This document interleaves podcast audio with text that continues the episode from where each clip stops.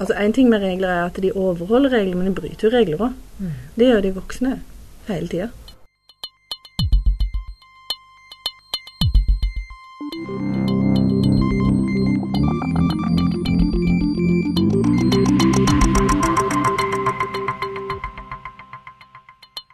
Vi må høre på de voksne, og så må vi rydde når vi har samling.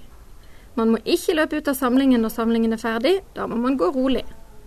Ved bordet må vi være stille når vi skal synge, og så må vi holde hendene i fanget. Man må ikke være slemme. Hvis noen er slemme, må vi si det til en voksen. Hvis man har gjort noe galt, må man si unnskyld. Ja, jeg har spurt min datter med frokostbordet hva slags regler de har i barnehagen, og dette er et lite knippe av de reglene som hun har i sin hverdag i en barnehage i Lillesand. Vi skal snakke om regler og konflikter i barnehagen, og med meg har jeg Lisbeth Josdal Skreland. Du er universitetslektor ved Institutt for pedagogikk. Og Tale Sten Johnsen, sosiolog og førsteamanuensis ved Institutt for sosiologi og sosialt arbeid. lange titler. Men vi skal altså snakke om regler og konflikter i barnehagene. Og um, Lisbeth, er det mange regler i norske barnehager? Ja, det er det.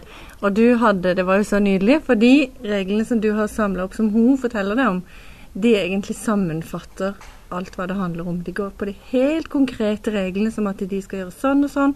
Du må ikke ta to mer enn to agurker på skiva. Klem passe hardt på majonesen. Vi må være snille med hverandre. Det er bare lov å gå opp sklia. Det er ikke lov til å hoppe fra lekehustaket. Altså til det der at vi må være gode med hverandre. Til mer sånn ærbødige, eh, nesten moralske regler. Til at det også handler om at det, det rammer inn barns lek. Der de sier at vi må ikke ta lekene fra hverandre. Og vi må. Så jeg syns hun hadde oppsummert egentlig hele min empiriinnsamling ganske greit på én side. Men disse reglene, er de ikke egentlig bare folkeskikk, på en måte? Det er det òg. Men det, det, strekker seg over mye mer. For det handler om dype moralske spørsmål, tenker jeg. På den ene sida til mer på sånne praktiske konvensjoner. Eh, da ser man jo også hva som er betydningsfullt for barnehagelærerne. Hva som er viktig. Men er det veldig stor forskjell på reglene, tror dere, i, i barnehagene? Nei, det syns de er forbausende like. I perioder har jeg vært ute og formidla underveis mens jeg holdt på med dette arbeidet, så er det jo gjenkjennelig for veldig mange av de som jobber i barna. 'Å, den regelen har vi, ja, den hadde vi før', sier de. Altså, det, det ligner jo. Og så tror jeg at mye av det handler om oppdragelse, som du sier folkeskikk. Men oppdragelse er jo også knytta til både samfunnet og til kulturen, og hva som vi voksne tenker er viktig for barn. Og er det ikke litt sånn også at rundt måltidet så er det spesielt uh, mye regler? Jo, det er noen situasjoner som er ekstremt med regler. Mm. Og det er særlig måltidet. Og også i voksenstyrte situasjoner som samling og en del sånne. Men du har jo jobbet i barnehage òg. Kan ikke mm. du si noe om hvordan et vanlig måltid er da i en barnehage? Vet du, De organiserer det veldig forskjellig. Eh, så eh, Men det er klart det er en viktig situasjonen i barnehage. Det høres så banalt og så, så trivielt ut at de alle må jo ete. Men i norske barnehager så er, det, er måltid en viktig situasjon. Jeg hadde sånn, var besøkende i, på Columbia University i New York. Og det, i den bygningen så var det to barnehager. Og de åt ikke sammen. De gjorde som newyorkere flest. De løp etter hverandre med kaffekoppen og med nista. Og de, jeg husker det var en unge som drev og så, og så klabba til med leire. Altså hadde modellkitt og leire og drev med et kunstprosjekt sammen med en student. Og så åt hun samtidig. Og det tror jeg nesten ikke jeg har sett i norske barnehager. Altså Én ting med regler er at de overholder regler, men de bryter jo regler òg. Mm. Det gjør de voksne hele tida. Hva slags eksempler har du på at voksne bryter reglene da i barnehagen? Eh, nei, altså de kunne f.eks. ha en regel i en barnehage som de også hadde skrevet på tavla eller på et ark som de hadde hengt på veggen og de hadde sendt ut til foreldrene. For hver av, på hver avdeling i den barnehagen så sto det en sofa. Og en av reglene var at det var ikke lov til å hoppe i sofaen. Eh, og så var det en gang som ungene hadde tatt ut alle putene av sofaen, og så laga de hest. Så satt de altså rei på den sofaen, alle putene var ute, og så hoppa de opp i sofaen, og så velta de over kanten og ned på en madrass over. Så de hadde det jo kjempefint, ikke sant. Og så spurte de jo førskolelæreren om hun ville være med, og det ville hun jo. Ja. Så da satt de jo en hel gjeng, jeg tror de var 13-14 stykker på ryggen på sofaen, og rei av gårde inn i solnedgangen. Og velta ned på den madrassen. Og så spurte jeg da, så sier jeg mm, men den regelen dere har på Nei, den bryr vi oss ikke om nå, sier de. Og det var noen situasjoner der de brøyt regler, de skjøv på tida, de gjorde andre ting. Og det, det var når det var barns lek. Altså når, når barn lekte greit. Og de flytter på tid også for å gi plass til barns kreativitet, spontanitet og livsglede og, og sånne ting. Så mange av disse voksne reglene dette man har, dette systemet, ser en kommer i konflikt med og er, kon konkurrerer med barns innfall og barns væremåte. Men Så du tenker egentlig da det er bra, da? At man kan skyve litt eller glemme litt den regelen? Da? Ja, jeg har forstått det som uh, skjønnsutøvelse av regler. Mm. Men er det ikke litt sånn også at voksne kan bryte regler for sin egen bekvemmelighet? Eh, I en barnehage eh, som vi hørte om, så var det jo sånn at barna ikke fikk lov å rope mellom bordene. Men de mm. voksne satt jo og snakket høyt til hverandre mm. mellom bordene. sånn at det er, det er, vel litt forskjell på det hvem som kan tillate seg å bryte regler. Ja, Det er jo et, en verden for voksne og en for barn, litt, hvis en ser på regler. Fordi at det er, Noen regler gjelder bare for ungene, og så er det noen regler som de voksne kan gjøre akkurat hva de vil. Men hva tenker dere at vi signaliserer til barna da, når det er sånn? Det er jo en maktasymmetri som er mm. helt tydelig. At mm. noen kan bestemme, og noen har mye mer makt til å gå inn og definere og redefinere enn mm. andre. Og i noen grad må det vel kanskje være sånn, Lisbeth? Tror du ikke det? Det tror jeg nok, og det er ingen som stiller spørsmål til at voksne bestemmer over barn. Men det ligger en ibygge, altså sånn asymmetri i regelsystemet, men også jeg tror jeg er en fare for at barn ikke altså, har andre rettigheter enn voksne. Så det er jo grunn til å stille spørsmål ved det. Um, og så kan det bli litt sånn bekvemmelig at man har disse reglene, og da unngår man den forhandlingen med barn som mm. kanskje kan være litt slitsom og strevsom hvis man hele tiden må ta opp ting til revurdering og høre hva barna tenker om de er med mm. om bord og sånn, så er jo det tidkrevende og slitsomt. Men kunne vært viktig. Ja, men det er mye enklere å vise til en regel. Ja. Hvis du vet at det er Ja, nå har vi bestemt det, så det skal vi gjøre. Så slipper du å gå inn i situasjoner. Og, og jeg tenker at en, hvis en har jobba i barnehage, så skjønner en kanskje at man må det av og til. Men en må også da være klar over at da unngår du noen veldig store tunge, interessante og viktige spørsmål. For det at man forenkler av og til. En står i fare for å forenkle det som faktisk er komplisert og vanskelig.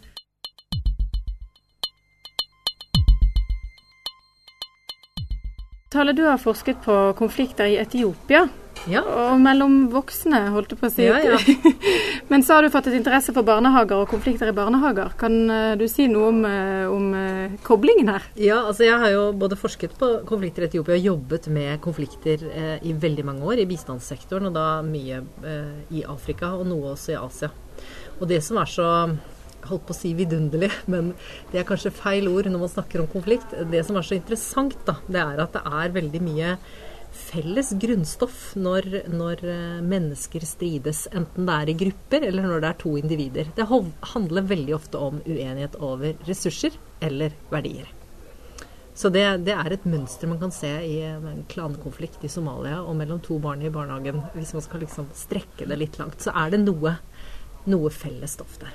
Men en ressurskonflikt i barnehagen vil da f.eks. være eh, Hvem skal ha spadene i sandkassa? Eh, hvem skal leke med den leken? Hvem hadde den først? Hvem skal ha flest klosser? Det er en typisk, eh, typisk ressurskonflikt. Som jo oppstår hver dag og hele tiden. Men det å ha regler i barnehagen, da, er det noe som vi kan tenke at forhindrer konflikter, eller kan også reglene lage konflikter? Det, ja, det er et godt spørsmål. begge deler. men å forhindre konflikter kan i noen grad selvfølgelig rydde eh, rom og være si, eh, bekvemt for voksne.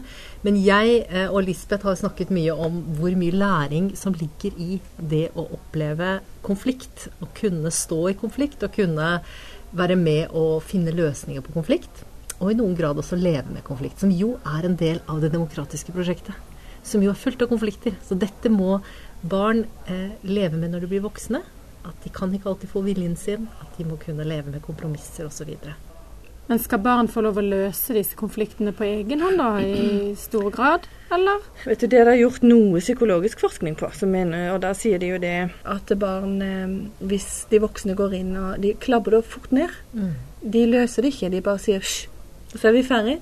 Mens hvis barn får lov til å være i det og løse det, så løser det seg faktisk. Det skjer noe. Så det har vært, eh, det har vært gjort litt forskning på konflikt i barnehage, ikke veldig mye. Men eh, kanskje med, på konflikthåndtering i forhold til den voksne, hvordan han bør være eh, overfor barnet. Og, og, litt mellom barn, hvordan de løser konflikter seg imellom. Og jeg har sett eksempler, sånn empiriske eksempler på konflikter mellom barn der voksne går inn og inntar en så konstruktiv rolle de kan, men de mangler informasjon. Eh, fordi at de er opptatt og, sant, og svever rundt. og de de bruker ikke nok tid til å virkelig forstå hva som har skjedd, og så kommer de med løsningsforslag litt for fort. Eh, og noen av de konfliktene ender opp som dårlig manøvrert og dårlig håndtert, vil jeg si. Mm. Fordi man nettopp går inn og gjør noen kjappe avgjørelser. Mm. Uh, ja, dette kan man jo kjenne igjen som foreldre òg. Ja, for all del. Vi er alle der. Og du ja. tror at kanskje det var den ene som tok, eller så var det den andre. Ja. Og du vet ikke helt, og så må du bare du følge en slags innskytelse. Ja. roper du 'Jonas!' Og så bare fordi dere vet at det er to der inne. Han du har ikke sett engang. Det tror jeg fort kan skje.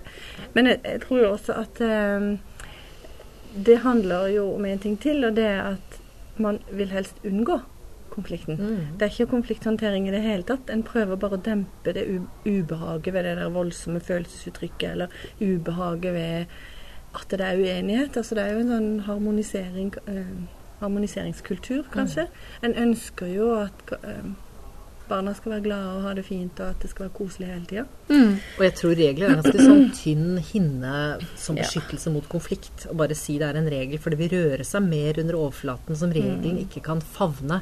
Altså Konflikter er komplekse. Det de mm. involverer følelser, ressurser, verdier. Mm. Altså, og da ha en regel å bare referere til. Hvis du gjør det i håndteringen, så tror jeg du igjen mister det læring, den læringsmuligheten som mm. ligger i å faktisk uh, være uenig. Så jeg tror jo i det øyeblikket man har en, en tenkemåte eller en væremåte også rundt konflikt, og ser på det som er interessant, er dere uenige om det? Hm, det er interessant, det kunne vi godt diskutere. Så jeg er ikke sikkert jeg hadde opplevd det så ubehagelig heller. At en rett og slett ikke trenger å prake på barna? At det er så ille om de blir uvenner, på en måte? Nei, eller? altså du vil jo si dette kan vi fikse. Dette kan vi diskutere, eller vi kan snakke om, eller Mm. Og hvis du får en erfaring av å, å, møte en annen, få lov å fortelle din historie, høre på den andres mm. historie, være delaktig i å finne en, en, løsning, som sannsynligvis er et kompromiss, da, så er jo det en utrolig viktig erfaring for um, mennesker som skal leve i et mangfoldig samfunn når de blir uh, både større barn og ungdommer og voksne. Mm. Og Jeg har bare lyst til å si noe med regler. Eh, jeg forsket jo mm. på Etiopia, som er en autoritær stat med mange regler og lover. Eh, for å dempe konflikter. Og det er jo et skummelt samfunn. Der ligger det jo og nø, liksom, hva skal jeg si for noe, ulmer under overflaten, men alt holdes nede av regler. Det er et litt annet eksempel, men, men du kan se noen paralleller der. Mm. Det, er ikke, det, er ikke, noe sunt um, konflikt uh, hva skal jeg si for noe miljø da, i det hele tatt. Mm. Og når det først rakner da, så kan det rakne ettertrykkelig.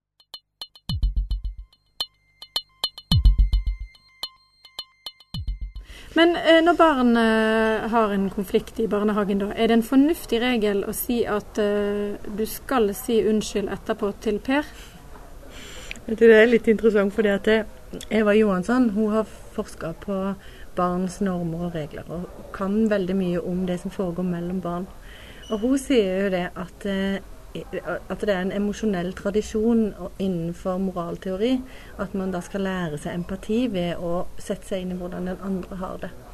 Og da bruker de ofte det her at ja, tenk hvordan det var for Jakob når du gjorde sånn stakkars Jakob, du må si unnskyld. Ja. Um, så sier hun det at jeg tror jo mange ganger at husker du den Og så skal de også si husker du den gangen da du slo deg, da var du lei deg da. Ja. Så sier hun at det som av og til kan skje det at barna faktisk blir mer opptatt av hvordan de hadde det sjøl den gangen for litt siden. sånn at det har det, det, Og dette unnskyld-ordet har lite mening. Kan iallfall ha veldig lite mening for dem. Jeg tror det er høflig å si unnskyld av og til. Men det å si det som en sånn Jeg har også sett barn sjøl som har klabba noen i huset, sier de unnskyld før de klabber noen i hodet. Så det, det er mer en konvensjon enn det har en virkelig dyp virkning, tror jeg. da. Og jeg vet ikke om unnskyld alltid er det rette ordet heller. Hvis du skal inngå et kompromiss. Hvis du sier unnskyld, så er det akkurat som om den ene tar på seg skylden uh, for det hele. Mm. Uh, noen ganger har du slått noen, så kan du selvfølgelig si unnskyld. Det er ikke det. Men det, det er igjen en litt sånn enkel Si unnskyld. Mm. Ferdig med det. Ja. Mm. Ja, var det, det Hva rørte seg her egentlig? jeg synes Av og til så er jo ungene mer geniale enn vi noen gang har kommet på å være. Altså. For det var en, en jente i en barnehage som Eh, der assistenten sa til henne nettopp det. De hadde vært i en konflikt, så sa hun 'si unnskyld'. Og da følte den jenta hadde så sterk en opplevelse av at det, var så urettferdig. Det var ikke bare hun sin feil. Nei. Det var begge sin feil. Så hun, eller hun sa du kan si om forlatelse, var det hun sa. Du sier om forlatelse til han. Nei, det vil jeg ikke. Jeg kan si omf. Ikke sant? Og hun sa omf, for hun tok halve skylda for resten. Forlatelse, det måtte han si. Og da tenker jeg Det syns jeg er fint.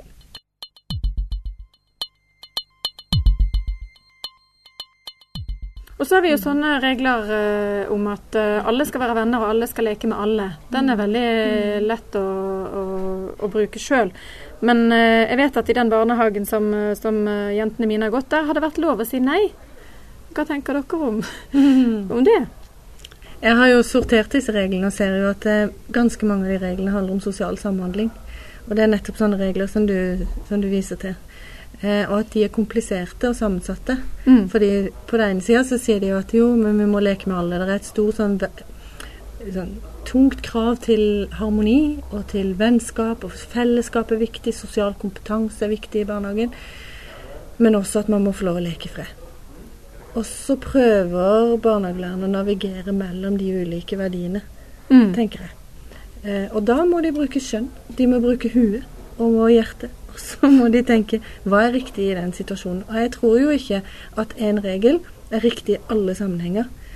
Så, men det blir vanskelig for foreldre, tror jeg, fordi de også tenker at ja, men kjære vene, da, det er jo utstengelse. Men det er ikke alltid det. For det, det går dypere enn som så. Det handler faktisk om å ivareta noe som er så fint som foregår mellom to. Men når jeg har gjort eh, observert ungene, så får jeg tilbake troa på menneskene. For jeg har jo sett Jeg husker det var en jente med Downs syndrom som sto plutselig og kikka. Og så tenkte jeg å, det der så så trist ut, for de andre hadde jo sånn en kjempelek. Det var jo fire stykker, fire gutter som holdt på inni, og så sto det en jente og kikka på. Mm. Så hadde de laga sånne eh, stoler, så det var liksom en sånn veldig tydelig avgrensing mellom de og hun. Så kommer det en gutt her, han var fire år. Så åpner han stolen sånn, det så ut som en dør. ikke sant? 'Har du lyst til å komme inn og leke med oss?' sier han. ja, sier hun. Så kommer hun inn. Så jeg tenker jo, det er begge deler. Og Ja. da må man ha øye for det. Man må se at jo, av og til så fungerer faktisk det dype, gode vennskap. Og så må man være klar til å si ja, men hva, hva innebærer det? Ja, det er jo kjempespennende ting som en kan trøble med ungene. Ja, og så tenker jeg at det handler i noen grad Det er relatert til det vi snakket om konflikter. Mm, ja. For hvis du alltid bare velger de likesinnede, de du Ja. er helt enig med der det er knirkefritt, Mm. så mister du også en mangfoldskompetanse. Eh, ved å leke med de som du kanskje ikke alltid enes med, eller hvor det kan være mer gnisninger, da. Tenk deg en, en um, sammenligning med et voksent samfunn. Hvis du bare skal være sammen med dem du er lik hele tiden, hva gjør det med vårt samfunn, våre nettverk, vår, ja, vår måte å være i verden på. Ja, så hvis vi skal lære barna å kunne leke med alle, så må vi kanskje kunne leke med alle sjøl. Og det er bare det er å gå litt i seg selv. Hvem er det som du inviterer med på den eh, danmarksturen? Eller det, altså, det er jo ikke de som er eh, forskjellige fra deg, oftest. Mm. De som er like.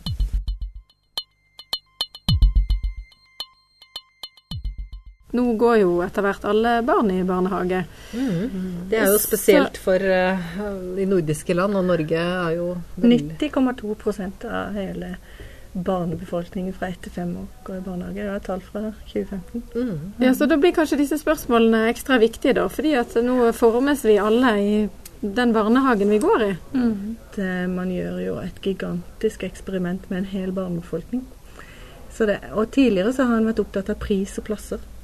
Og hver gang man gikk inn i en, en diskusjon om barnehage, så sa alle ja, men de har mye bedre hjemme. Og for de fleste så var ikke det noe spørsmål. Om å, altså Man havna i den der diskusjonen, og da Mm. kunne en ikke gå inn og kritisere eller stille spørsmål til det som foregikk i barnehagen. For barnehagene måtte jo bare slåss for sin egen eh, rett til å være på kloden. Og da mista man de der diskusjonene. Men nå så er det litt annerledes. Og da kan en også si ja, men hva vil det si at en barnehage er god? Hva betyr det å ha det godt? Og hva er en god barndom i barnehagen? De tilbringer jo faktisk store deler av barndommen sin der. Og da må de ha det godt, tenker jeg. Mm. Hva innebærer det? For en det samfunnsforsker er jo dette en godtepose. Altså en så stor og viktig samfunnsinstitusjon der eh, barn dannes, formes i samspill med voksne. Det er jo uhyre interessant for oss som samfunn. Så, så dette må vi vite noe om. eh, Og heldigvis så foregår det mer og mer spennende forskning innenfor det feltet fra ulike disipliner. Og Det det er det eneste stedet i verden hvor du også kan studere grupper, store grupper av barn, av små barn, ett- og toåringer sammen. Så det er jo virkelig godtepose både for samfunnsforskere og pedagoger. Ja. Og så har jo du også sagt noe om at, eh, at, det å kunne håndtere konflikter kanskje blir viktigere og viktigere også i samfunnet fremover. Jeg tenker det. Eh, at eh, vi lever i stadig mer mangfoldig samfunn, for å bruke et sånt ord. Og det å ha individer som forstår noe av det å leve med uenighet. Leve med konflikt, rett og slett. Kunne kompromisse. Ha forståelse for den andre. Kjenne til dialog. Altså alle disse tingene blir uhyre viktig. Men like viktig er det at barna selv får være med og få et eierskap til det, så ikke det blir en voksen modell som vi bare innfører ovenfra og ned. Og det er akkurat dette vi er interessert i. Hvordan barn selv klarer å være med og delaktig i den og, og forme den konfliktkompetansen da, gjennom mm. sin egen deltakelse. Ikke bli stoppa, ikke bli håndtert ovenfra og ned, men nettopp få det rommet til å, til å være i, henge i konflikten og være med på å finne løsninger selv. Men tror du det går an å leve med forskjell, og leve med konflikt? Det Må det alltid løses? Nei, leve med konflikt tror jeg er en nøkkel. Det er demokratiet, det. Vi lever mm. med konflikt hele tiden. Vi har bare blitt enige med å holde fred mm. eh, og være uenige. For den som har flest stemmer, får lov å bestemme sånn og sånn etter ulike regler. Det er demokratiet. Mm. Så, så, dette er ekstremt viktig, å mm. leve med konflikt. Og så er det selvfølgelig ikke sånn at vi ønsker strukturell konflikt der noen systematisk marginaliseres og undertrykkes. Og det kan man jo si at i vårt samfunn har vi også ansatser til det.